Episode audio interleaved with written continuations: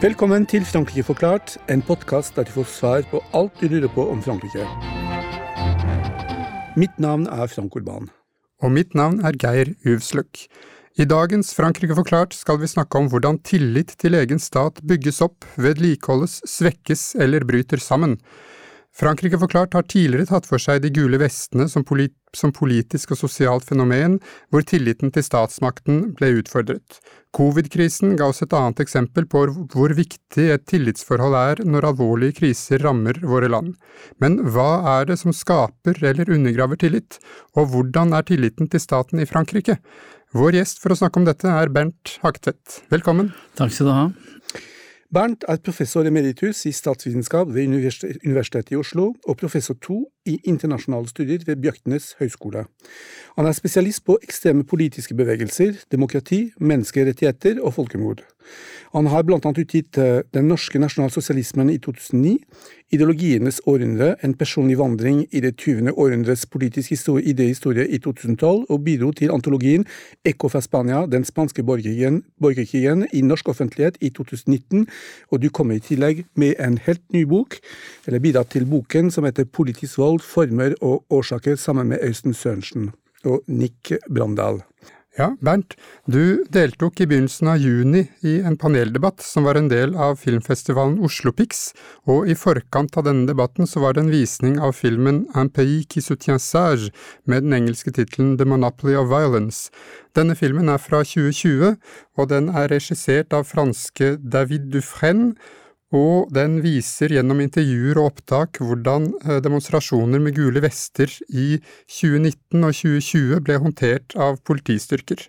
Det er mye å si om den filmen, men det som er sikkert, det er at det er en svært engasjert film som fordømmer politivold og kritiserer statens monopol på vold brukt mot egne borgere.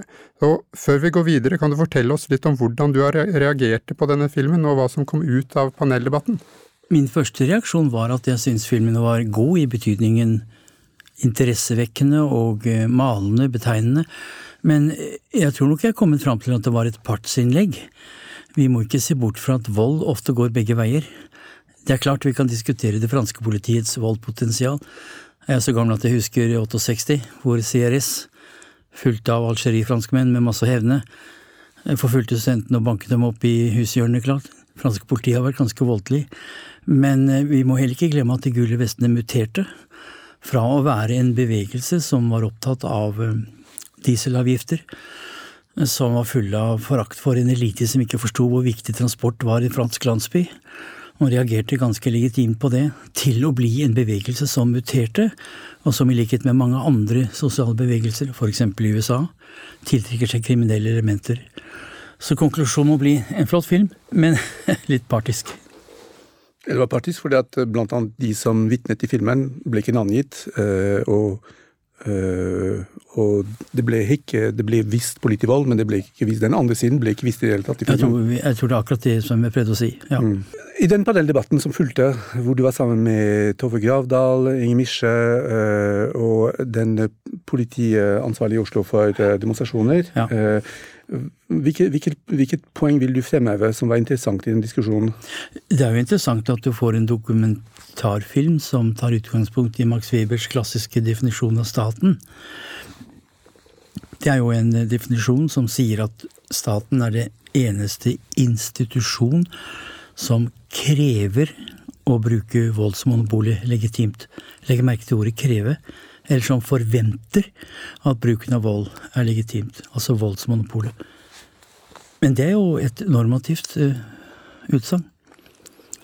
Det som er problemet her, er jo under hvilke betingelser vil vanlige folk akseptere statsmaktens bruk av vold? Og det varierer jo aldeles voldsomt. Jeg har gjort noe, pusset litt opp kunnskapene, og den britiske historikeren Jonathan Fenby sier at i eh, indre kamper, altså ikke kamper i krig. 60 000 franskmenn omkom gjennom hele 1800-tallet. Hvorav 20 000 i kommunen. ikke sant? Relativt få da i 1830. tolv i 1968. Men samlet har altså Frankrike indrepolitisk vært et veldig voldelig land. Og den amerikanske samfunnsforskeren Charles Tilly har laget 800 sider om The Contentious French, hvor han går tilbake til arkivene på 1700-tallet og viser disse mønstrene i fransk innenrikspolitikk fra, fra 1558, og viser mønsteret om at franskmenn flest har vært veldig skeptiske til øvrigheten. Og det har brutt ut stadig vekk. Og der er et allment poeng å komme med. Legg merke til hvordan fransk politikk ofte går til ytterlighetene. Det er altså et land som er revolusjonært i sin egen identitet, men som hele tiden slår over i konservativ reaksjon. Du har 1793, også Karl 10., du har 1830, også en borgerlig republikk.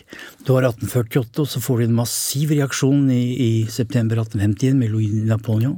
Du har en tredje republikk som er meget sen med å sette i gang eh, sosiale reformer, og som eh, nesten ikke hadde noen bestemmelser om menneskerettighetene, f.eks. Du får eh, Leon Blom. Et gjennombrudd. Og med en gang han går etter halvannet år, så får du Reynard som sitter i 1940, så nå går han og plukker ned alle reformene. Du har 68. Noen uker etterpå så får du en massiv konservativ reaksjon gjennom de Gaulle. Og så vil franskmennene ha venstresiden igjen. Mitterrand han prøver seg på to år, og så blir det massiv tilbakekjøring. Altså ytterliggående tendenser er et vedvarende trekk i fransk politikk siden revolusjonen. Mm. Interessant å tenke på at hver gang det har vært regimeskifte i Frankrike, så var det ofte som følge av tapt krig eller revolusjon. Ja, det tror jeg er helt riktig. Ja. Ja. Um, den ekstreme voldsbruken som fant sted på begge sider under den, eh, den uh, gule vestkrisen, mm. uh, det tyder på at det har skjedd et tillitsbrudd mellom demonstranter på den ene siden og, statsmakten på den andre. Du har vært litt inn på det, ikke sant? Men, men hvordan vil du definere uttrykket tillitskrise? Hva er en tillitskrise, og hvem gjelder den krisen for? Ja, du vet, eh, de Gaulles kommunikasjonsminister Alain Perifit han nedsatte i 87 en, en kommisjon. Etter mønster av de amerikanske voldskommisjonene, Kerner Commission i 68. Og de kom jo fram til at man må skille mellom ulike former for vold. Man man skiller mellom contention, som er collective action, og så må man skille mellom illegitime typer vold. Streiker kan jo vanskelig defineres som vold. Det er forskjellige typer reaksjoner. Men, men Perifits kommisjon sa at det har vært en økning i, i det man kunne kalle stridbarhet. Eh, Tilly viser f.eks. at i 1887 så var det én av 500 som drev med streik. 100 år etterpå var det én av ti franskmenn som drev med streik. Altså en veldig økning i streikeaktivitet. Ehm, det kan delvis ha sammenheng med at syndikalismen sto så, sterkt, og at Sorel var en franskmann.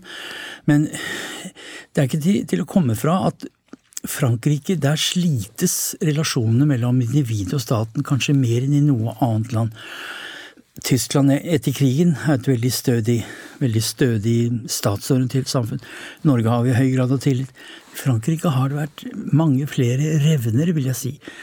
Og det kommer av de ytterliggående tendensene i fransk politikk. Les extrêmes. Se touche, kan man si, men allikevel. Og nå, for eksempel, nå er det altså nå leser jeg filosofer som plutselig skal eh, stemme Marine Le Pen, og det er ikke fornøyd med Macron. Det er en veldig Og Perifit, han sa det har vært en tendens til at franskmennene veldig fort definerer den andre ikke som en motpart, men noen man skal slå. Altså overkomme. Altså Det er en nokså aggressiv holdning til politisk uenighet. Eh, mente kommisjonen i 1987. Det var en ganske interessant kommisjon, annet med Stanley Hoffman fra Harvard. Det mente de var en konklusjon, at fransk politisk kultur var adversary. De var motsetningsfylte, og det var mindre rom for dialog eller demokratisk samtale.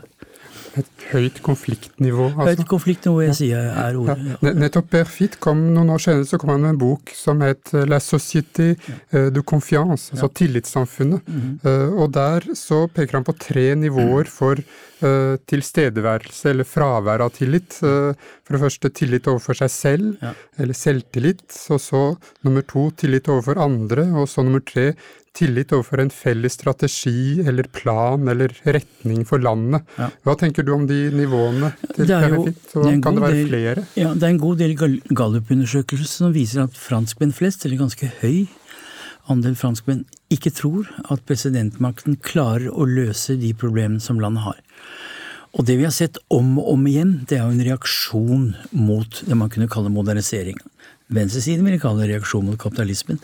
Men det er en reaksjon som knytter seg til immigrasjon, globalisering, flytter av industriarbeidsplasser, eh, tap av arbeidsplasser, klassiske, klassiske skillelinjen i europeisk politikk, som jo har desimert eh, det franske sosialistpartiet, som nå er nede på mellom 3 og 4% det stolte SFIO gjennom hele århundret. Så du kan si det er en økende bevissthet om at Frankrike må moderniseres f.eks. Sær, særpensjonsavtaler, og er modernisert. Bare tenk på franske fly, og tenk på eh, TGV, og det er veldig modernisert. Men samtidig er det et konservativt land, et, et agrart land på mange måter, som reagerer mot, mot eh, Man kunne kalle det en galopperende kapitalisme, kan man si, eller modernisering.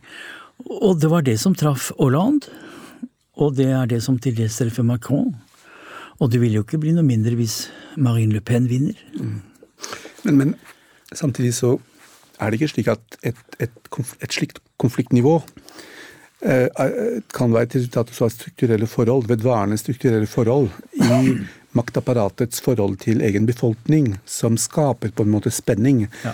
Eh, fordi vi har, vi har, hatt en del episoder om e, e, eliten i Frankrike, ja. om hvordan måten politikk og politiske beslutninger eh, praktiseres på.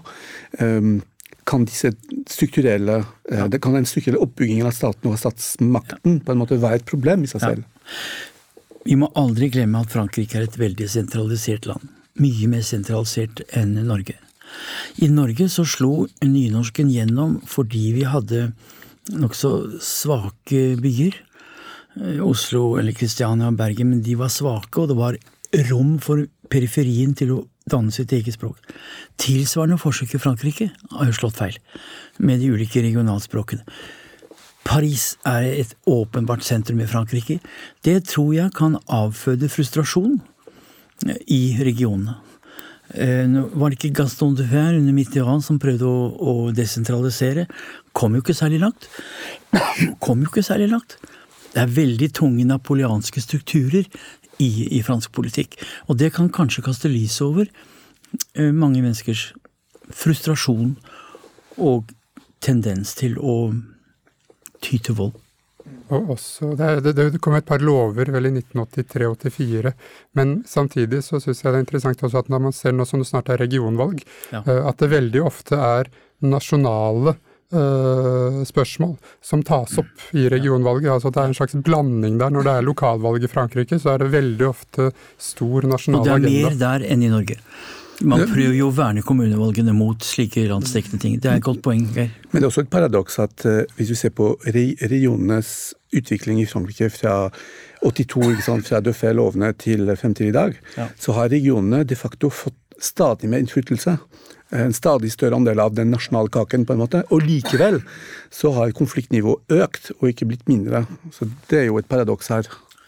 Det er et paradoks, og vi bør heller ikke glemme å nevne, Frank, at voldsnivået har sunket på to viktige områder. I Korsika har frigjøringsbevegelsen sagt at de ikke vil bruke vold. Og den franske baskiske bevegelsen bruker ikke lenger vold. Så har man til gjengjeld fått sant, islamistisk terror. Men de klassiske regionale voldsforekomstene eh, er ikke lenger til stede. Og det samme har ETA jo i spansk, eh, spansk eh, Baskeland. Men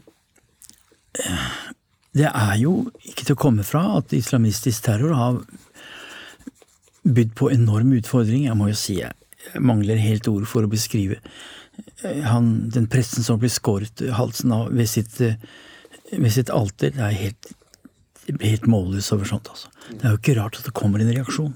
Mm. Eller mener folk med lastebil i NIS. Eh, altså, det er så mange eksempler på ja. grusomme og, og, ikke minst frekvensen. Ja, det har økt. Skjedd, ja, ja, og kirken i NIS. Det var også en knivdrap i kirken i NIS. Ja, ja.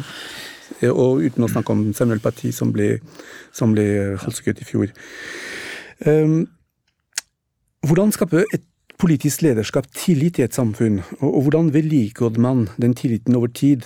Og omvendt, hvilke faktorer gjør at, man, at den tilliten undergraves eller brytes ned? Ja. To forskere publiserte i 2007 en studie med tittel 'Mistillit samfunnet'. De var ja. veldig uh, inspirert av Perfit. Ja. Uh, uh, mistillit samfunnet, hvordan Frankrikes sosiale modell ødelegger seg selv. La société de défiance, comment le modèle social français s'autodétruit. Hvor de påpekte forholdet mellom mistillit og ulydighet. I studien kom det fram at franskmenn så med skepsis på egne institusjoner, medborgere mm. og arbeidsgivere. Forskerne så en direkte kobling mellom mistillit på den ene siden og sivil ulydighet på den andre. Ja. Dette er jo fenomener du har i USA også. Det er jo ikke bare et fransk fenomen. Eh, for ikke å snakke om Italia òg. Hvordan kan man skape tillit? Jeg tror at eh, en helt avgjørende forutsetning for tillit er at vanlige folk føler eller kjenner at statsmakten taler med deres egne interesser. Frankrike er jo et veldig klassedelt samfunn. Et klassedelt samfunn, sentralistisk og klassedelt, og samtidig med en revolusjonær retorikk. Og den spenningen mellom den egalité, liberté, retorikken på den ene side og disse dype skillelinjene kan vel sannsynligvis brukes til å forklare noe av spenningen mellom individ og stat. Men dette er et klassisk politisk problem. Hvordan kan man gjennom prosedyrer, valg, autonomt rettssystem, eh, menneskerettigheter skape tillit mellom individ og borger? Det er jo hele grunnspørsmålet i, i, i statsvitenskap. De Gaulle prøvde jo å løse det ved et sterkt presidentielt system. Det ble antagelig for sterkt, men det er grunnproblemet. Ja, det er også interessant, eh, som, som sier, at uh, franskmennene liker godt å se på seg selv som revolusjonære. Ja. Det er en slags stolthet i det.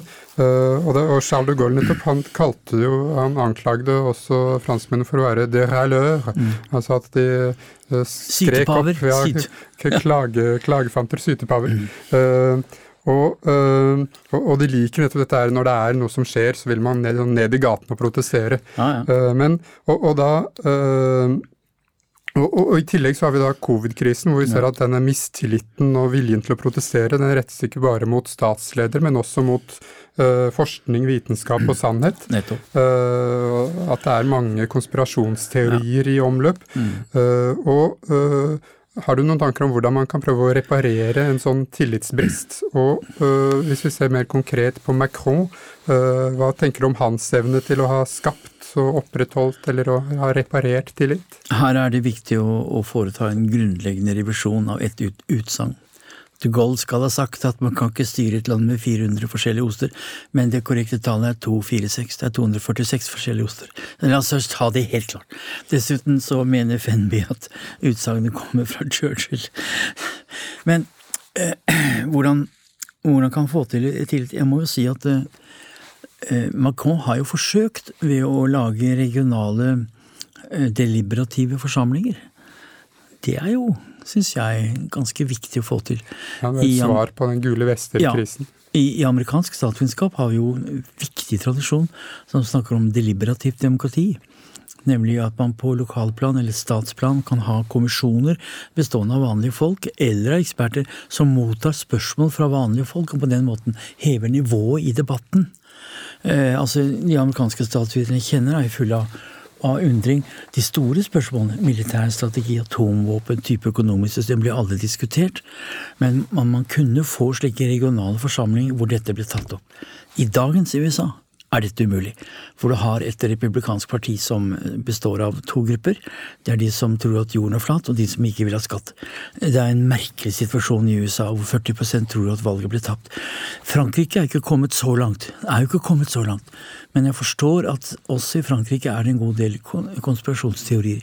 Og det interessante å merke seg der, det er jo at konspirasjonsteoriene antisemittisme øh, og lignende QAnon flyter sammen med vaksinemotstand. Altså det er en allmenn eh, forakt for intellektuelle standarder. Den har vi jo i Norge, men ikke i samme grad. Og i Tyskland har, jo, har vi jo veldig eh, den tendensen. Og det som er faren her, det er jo at den klassiske høyreekstremismen går mainstream. Via vaksinemotstand. Og det er en helt ny situasjon. Nei, altså, Macron har jo det helt spesielle kjennetegnet at han har ingen fast eh, partiorganisasjon. Det er jo fascinerende at han kunne vinne valget uten en partiorganisasjon. Og Det var sånn første gang. Ja. Ja, nettopp. Og det merkelige her er jo at Det, det, det merkelige her er jo at uh, han Han vant jo på en måte som ingen hadde forutsett, egentlig. Og hvis dere spør meg om hva som kommer til å skje neste gang, så vil jeg bare minne hva som skjedde med Jospin.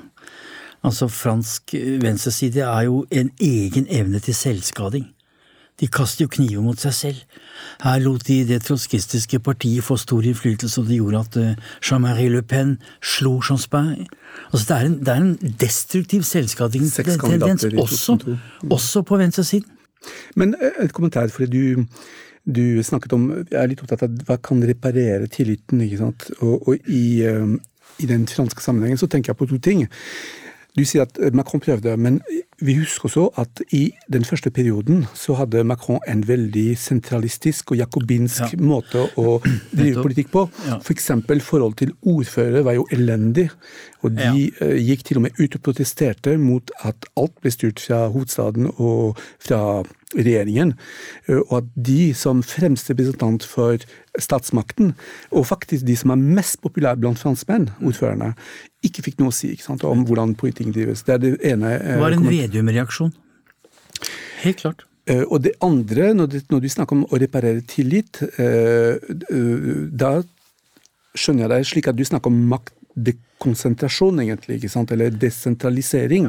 Ja. Og det franske systemet har jo flere verktøy for det. ikke sant? Ja, ja. En ting er jo å endre valgsystemet for å ha mer, altså mer Hva heter det for noe? PR. Forholdstalsvalg, ikke sant? Proporsjonal representasjon, PR. Og det andre er jo større bruk av folkeavstemninger. Ja. For at uh, Grunnloven åpner for uh, Og det er jo, det er jo en sjeldenhet også, ja. folkeavstemninger i fransk sammenheng. Og det var jo også, tradisjon, ja. Ikke sant? Og det var også en, det var også et krav fra bl.a. de gule vestene og fra demonstranter om at uh, vi vil ha mer å si, og at man kunne åpne opp for mer, for mer folkeavstemninger. Uh, hvis vi går videre, hvis vi bygger videre på, på, på det altså Sevipov, uh, som er et institutt uh, i, i, Frankrike mm. Sevipovs måling fra februar 2021, ganske, 21, ny, ja. Ja. ganske ny måling, ja. viste at kun 16% av franskmennene hadde tillit til sine politiske partier.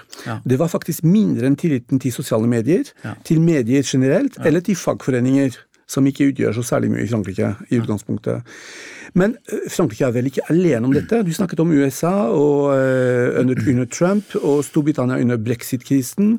De lider av samme, den samme type demokratisk fatigue. Uh, hva er likhetene og ulikhetene mellom den fatiguen som man ser i disse vestlige demokratier, altså tenk på USA, Storbritannia og Frankrike? Eh, Frankrikes, eller franskmennenes, tillit til sin regjering ligger omtrent like lavt som grekernes. Eh, OECD-statistikk. Mm. Det er ganske alvorlig. Også. For eh, grekerne hadde jo ikke noen grunn til å stole på sin eh, regjering. Det var jo, altså det er en katastrofe, det som skjedde i Hellas. Men at Frankrike kunne komme så nær, det overrasker meg veldig. Du spør om forskjellen og likheten mellom de ulike landene. Er Når det gjelder den fatigen, den demokratiske fatigen? Ja, demokratiske trettheten. Ja, altså Det første tegn på demokratisk tretthet er jo fallende valgdeltakelse. Jeg har ikke, ikke inntrykk av at det har falt så særlig i Frankrike. Fortsett, folk fortsetter å stemme. Stort sett er det oppdelt i tre grupper. Ja. Du har en tredjedel som ikke stemmer lenger, mm. en tredjedel som stemmer på etablerte partier, ja. og en tredjedel som stemmer på radikale partier. Ja. Men altså, det store spørsmålet er hvordan kan man forsvare demokrati i ulike land, og det vil jo være avhengig av den politiske kulturen, selvfølgelig. Um, um, ja, altså, dette er jo uhyre Men jeg har ikke noe klart svar på det. Det vi ser i Storbritannia, er f.eks. at uh, Johnson er veldig klar på at de stemmene han fikk i Nordøst-England, de må han betale mye for å beholde. Altså han må dirigere økonomiske ressurser til Nordøst-England for at de gamle Labour-kretsene skal, eh, skal, fortsette å stemme på. I Frankrike kan ikke nok om regionalpolitikken. Eh, la meg heller spørre deg, Frank. Var det sånn at ordførerne i sin reaksjon mot Macron faktisk fikk litt medhold? Det ble, det ble, faktisk en endring på Macrons politiske praksis, ja. fordi at han var såpass isolert ja. at han trengte allierte. Og eh, etter en periode hvor han slet litt med å justere på en måte nivåene, hvilke, hvilke ja. nivåer skulle han samarbeide med, så begynte han å innlede et eh, et, jeg vil si at Tillitsforholdet ble jo bedret og høynet i forhold til ordførerne, og det så man i covid-krisen. Ja. Hvor, hvor, kommune og region fikk litt større innflytelse på, ja. på håndteringen av covid-krisen. Ja. Eh, men det var jo et veldig kjennetegn at i utgangspunktet at du hadde en virkelig, Jeg vil ikke snakke om tillitsbrudd, men du hadde Svekkelse. Ja, i hvert fall en mistenk, mistenk, mistenkelighet mm. mellom, mellom, på en måte statsnivå på en måte, og, mm. og de lave nivåene, kommuner og, og mm. region på andre siden. Vi, vi må ikke glemme at f.eks. Sosialistpartiets krise ikke bare er fransk. Tenk på SPD i Tyskland, som går ned mot 20, det har vært oppe i 40. Arbeiderpartiet i Norge gjør jo det bedre, men også der, husk at Arbeiderpartiet i 1957 hadde 45% av stemmene. Og i Storbritannia er jo det samme krise. Den eneste, og i Italia, den eneste landet der det sosialdemokratiske partiet har kunnet gjenvinne sin makt, det er Portugal. Og hvorfor? Jo, fordi det portugisiske sosialistpartiet sa kan ikke lenger drive med austerity. Vi kan ikke drive med neoliberalistisk økonomisk politikk. Vi må uh, fylle budsjettene igjen. Vi må komme folk i møte. Og da strømmet velgerne tilbake til det portugisiske sosialistpartiet. Samme til en viss grad i Danmark, men der er jo særlig innvandringen som de bruker for å lokke Og da er jo spørsmålet som vi alle kan stille kan det bli en for høy moralsk pris å få restituert uh, sosialistpartiene? Det fins ikke ett svar på det, men det er jo et klassisk dilemma. Du vil si at uh, man vil gi avkall på enkelte verdier for å få tilbake velgerne? Ja, for eksempel, nå, som, nå som Danmark etablerer mottakssentraler for asylsøkere i andre land, så er det en klar svekkelse, om ikke et brudd med internasjonal lov. Skal et sosialdemokratisk parti gjøre det for å komme sine velgere i møte? Min egen personlige syn er syns jeg er veldig vanskelig å kunne støtte. Men Mette Fredriksen sier at det er nødvendig for å få tillit tilbake. Og hva, hva, hva Macron gjør med immigrasjonen altså Frankrike er så spesielt. De hadde jo titusener av algerifranskmenn som de ikke klarte å integrere skikkelig. En helt spesiell situasjon. Og de kom med en annen tro. Altså det, man må jo beundre at Frankrike tross alt har overlevd. Ja, kanskje nå som den, med den franske ideen om at man prøver å knytte identiteten til republikken. Ja. Det er kanskje derfor den, det er så viktig for så mange franskmenn også. Ja. Men det er selvfølgelig altså helt klart et uh, broket samfunn ja. på mange vis. Ja, og um, jeg tror ingen har snakket om å svekke laicitet. Jeg tror ikke det. Det er et veldig sterkt prinsipp. Ja. Men uh, hvis vi går litt videre og øh, vi, vi, begynte å snakke litt om litt andre land. Det var uh, I 2018 så kom det en kronikk fra Morten Bøås og Ole Jakob Sending fra ja. NUPI ja. som er tittelen 'Den store tillitskrisen'. og der viser de bl.a. til en undersøkelse fra 36 land der hvor 14 15 bare av befolkningen mener at uh, regjeringene handler i landets beste interesser. Kan vi snakke om en, uh, vi snakke om en global tillitskrise her? Dette, det... dette kommer jo og går. Kom jo og går. 68 var jo en tillitskrise. En hel ungdomsgenerasjon uh, var jo lei av de Gaulle og Femterepublikken. Dette kommer og går, men jeg, jeg tror kanskje at det, vi står jo overfor en mange vil kalle en fascist, ikke fascist, altså en ytterliggående reaksjon. Se på Polen, se på Urban, se på eh, Bolsonaro, eh, Savini i Italia. Eh, Duterte i Filippinene, en voldsom høyreaksjon. For ikke å snakke om Kina og Russland, men det er spesielle situasjoner. I denne situasjonen, at Macron vant, syns jeg er bemerkelsesverdig og ikke tegn på en tillitskrise. Og han vant klart. Men spørsmålet er om ikke finansmenn har forandret seg, eller i hvert fall om du ikke har fått en, en lignende høyere dreining i finanspolitikk ja. i løpet av de siste fem år. Ja. Eh, meningsmålingene tyder på, når man ser på temaene, hvilke temaene finansmenn er opptatt av, sikkerhet, indre sikkerhet, innvandring, immigrasjon, ja. immigrasjon så ser man faktisk tegn på at uh, noe sånt også har skjedd. Dette er en felles europeisk krise. Når man reiser til Nord-Frankrike for å snakke med arbeiderne i eh, hvitevarefabrikken Whirlpool, Pool, som flyttet sine fabrikker til Polen, så er det et allment problem. Eh, Macron har jo forsøkt, så vidt jeg forstår, å svekke muligheten til å flytte arbeidsplasser innen EU.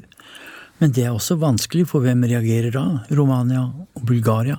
For det er deres innbyggere som da kan komme eh, til å få et bedre liv i ly av de ordningene. Men dette er jo en internasjonal globaliseringskrise, og den treffer jo da altså Europa med enorm styrke. Og det er den som forklarer brexit. Det var jo immigrasjon, tap av arbeidsplasser, eh, som virkelig svingte brexit mot EU. Og den store nøkkelfaktoren her jeg har stor tillit til Usule van der Leyen for øvrig. Den store nøkkelfaktoren her, det er hva gjør EU? EU må raskest mulig sette stolpene klart ned mot eh, PIS i Polen og Orban.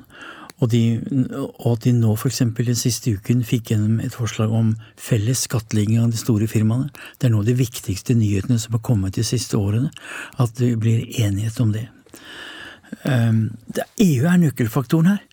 Eh, for å kunne motvirke de håpløse effektene av fri kapitaldannelse. Det er altså hovedkjernen i norsk EU-motstand. Fri bevegelse av kapital. Ingen i Norge mot bevegelse av folk, og heller ikke av reiser, men det er bevegelse av kapital som jo har vært hovedkjernen i norsk EU-motstand hele tiden. Du nevnte presidentvalget neste år, og det er interessant å se at ja. Eh, Macrons tanker, drøm eller idé om europeisk suverenisme mm. imøtekommes av Marine Le Pens mm. program som er basert på lokalisme. Ja. Så Da har vi på en måte globaliseringstanken, eller i hvert fall ja. internasjonalismen mot, mot en mer, mer nasjonalt ja. og mer Uh, ja, ja. Innadvendt. Klassiske temaer, det, Frank. Ikke sant? Men, se, vi kan kalle det nasjonalisme. Vi kan det, faktisk. Ja. Det er jo interessant å se nå hvordan Jens Stoltenberg, som man jo må beundre som Nato-leder, hvor han tar opp Macrons tanke. Når Macron snakker om at Nato er hjernedød. Hva svarer Nato med? Jo, utvide eh, nedslagsfeltet. Grønn retning. Utvide, skaper en slags atlantisk fellesskap på en helt annen måte. Selvfølgelig er det kontroversielt med Nato-engasjement i andre verdensdeler. Men jeg syns det er spennende å se nå at Macrons opprinnelige tanke får til følge nå i morgen eller overmorgen en diskusjon eh, hva Nato nå skal gjøre. Eh, og at Frankrike har en stemme internasjonalt, er helt åpenbart. Han er jo veldig respektert, Macron.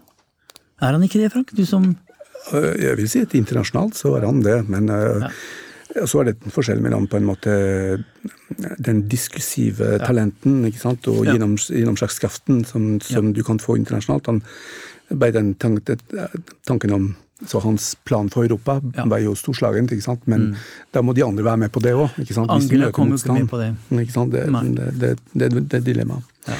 Dette kan vi snakke om i mange I timer. Det er veldig spennende å være hos Men på slutten av hver episode ber vi vår gjest om å komme med en fransk anbefaling. Hva er din anbefaling til våre lyttere, Bernt? Til å til? Til våre lyttere. En fransk anbefaling, øh, en bok, en film. Ja. Mm. Da må jeg innrømme at jeg vil be lytterne lese Verkors bok 'Silence de la mer', som vi leste på gymnaset. Som er en eh, lavmælt, dirrende fremstilling av en Wehrmacht-offiser som blir installert i et fransk hjem, og som tror at førerens hensikt med invasjonen er å skape et nytt fransk-tysk kulturelt fellesskap. Og så handler hele boken om hvordan illusjon etter illusjon plukkes av denne Wehrmacht-offiseren. Og så møtes han med Celance hele tiden. Det er vel noen av de flotteste romaner som er skrevet. Den leste vi på fransk i gymnaset. Fantastisk. Lucians Flemmer, Vercors, anbefales absolutt. absolutt. Geir, har du også en anbefaling? Ja, det har jeg, Frank. Eh, det har ikke så mye med akkurat temaet for dagens samtale å gjøre. Det er også om litteratur. Jeg vil slå et slag for franskspråklig litteratur fra Quebec. Quebec Libre. det er interessant. Ja. Eh, de har nemlig, altså Quebecerne har ikke en veldig gammel nasjonallitteratur, men eh, fra slutten av 1800-tallet og utover 1900-tallet så er det veldig mye interessant litteratur. Og det er også mye spennende samtidslitteratur som gis ut i Quebec. Mm. Og da vil jeg særlig trekke fram en forfatter som heter Christian G. Poliquin, uh, som jeg var så heldig å få invitert til Oslo for noen år siden. Uh, på det tidspunktet denne samtalen tas opp, så har han gitt ut to uh, helt fascinerende romaner som beskriver et uh, nært fremtidssamfunn i nord, der strømmen plutselig har forsvunnet. Og da får vi se litt hva som kan skje med moderne mennesker når uh, de mister noe de tar for gitt. Eh, den første boka den heter eh, Le fil de kilometre. Den er oversatt til engelsk med tittelen Running on fumes. Og den andre den heter Le poids de la neige, altså Snøens vekt. Og den er også oversatt til engelsk. Og så er det en tredje roman som er på trappene, så når denne samtalen blir sendt, så den kanskje, er den kanskje allerede kommet ut. Så skal jeg også hilse fra Kjerstin, eh, som anbefaler podkasten En français dans le texte fra radiokanalen France kultur. Det er et skikkelig dannelsesprogram. Hver uke så er det en skuespiller som leser fra en skjønnlitterær tekst, som er pensum for franske elever på videregående, og så blir denne teksten analysert av en ekspert. Programmet avsluttes med en god gammeldags dikté, altså diktat. Eh, en noe gammelmodig oppgaveform, kanskje, men det er fortsatt en av bærebjelkene i fransk pedagogikk. Og Frank, eh, vi har også en kronikk om det temaet vi har snakket om i dag, på forskning.no og Transit Magasin. Ja, det har vi, for eh, det er veldig bra at eh, dere hører på podkasten vår. Men vi har også et annet produkt som er like spennende, og som er de kronikkene som vi skriver i forbindelse med hver episode. Vi publiserer dem i forskning.no og Transit Magasin, og de tar et sideblikk på temaet som vi tar opp i podkasten. Så det er ikke det samme som podkasten. Derfor må dere både høre på podkasten og lese kronikken vår. Jeg vil da avslutte med å si at jeg i dag morges fikk en SMS fra min gode venn Erik Rudeng, som minnet meg om at vi 24. juli 1967 befant oss i et uh, mørkt stuerom i Menetons salon au Cœur de la France utenfor Bourges, og der så vi fjernsynet. Og de Gaulle kom og sier 'Vive le bli libre'. Og våre franske verter tok det som en selvfølge. Det er klart han kan det. Det var da jeg prøvde, det da jeg skulle ha sagt, men ikke fikk. Hva om uh, Harold Macmillan hadde kommet til uh, Normandie og foreslått Normandie Vive? Altså, jeg hadde ingen forståelse for at han gjorde en kjempetabbe, men jeg husker det veldig sterkt. Da gjenstår det bare å takke vår gjest eh, Bernt Hakvedt. Vi hører igjen til neste episode av Frankrike forklart. Au revoir. Frankrike forklart er et samarbeid mellom Universitetet i Oslo og Høgskolen i Østfold. Podkasten er støttet av Det norske universitetssenteret i Paris og Institut Francais i Oslo og har full redaksjonell frihet. Abonner på Frankrike forklart på iTunes, Spotify eller på andre plattformer der du lytter til podkast. Har du kommentarer til oss eller forslag til temaer vi bør ta opp, kan du sende inn det via vår Facebook-side Frankrike forklart. Her vil du også finne referansene som nevnes i dagens episode.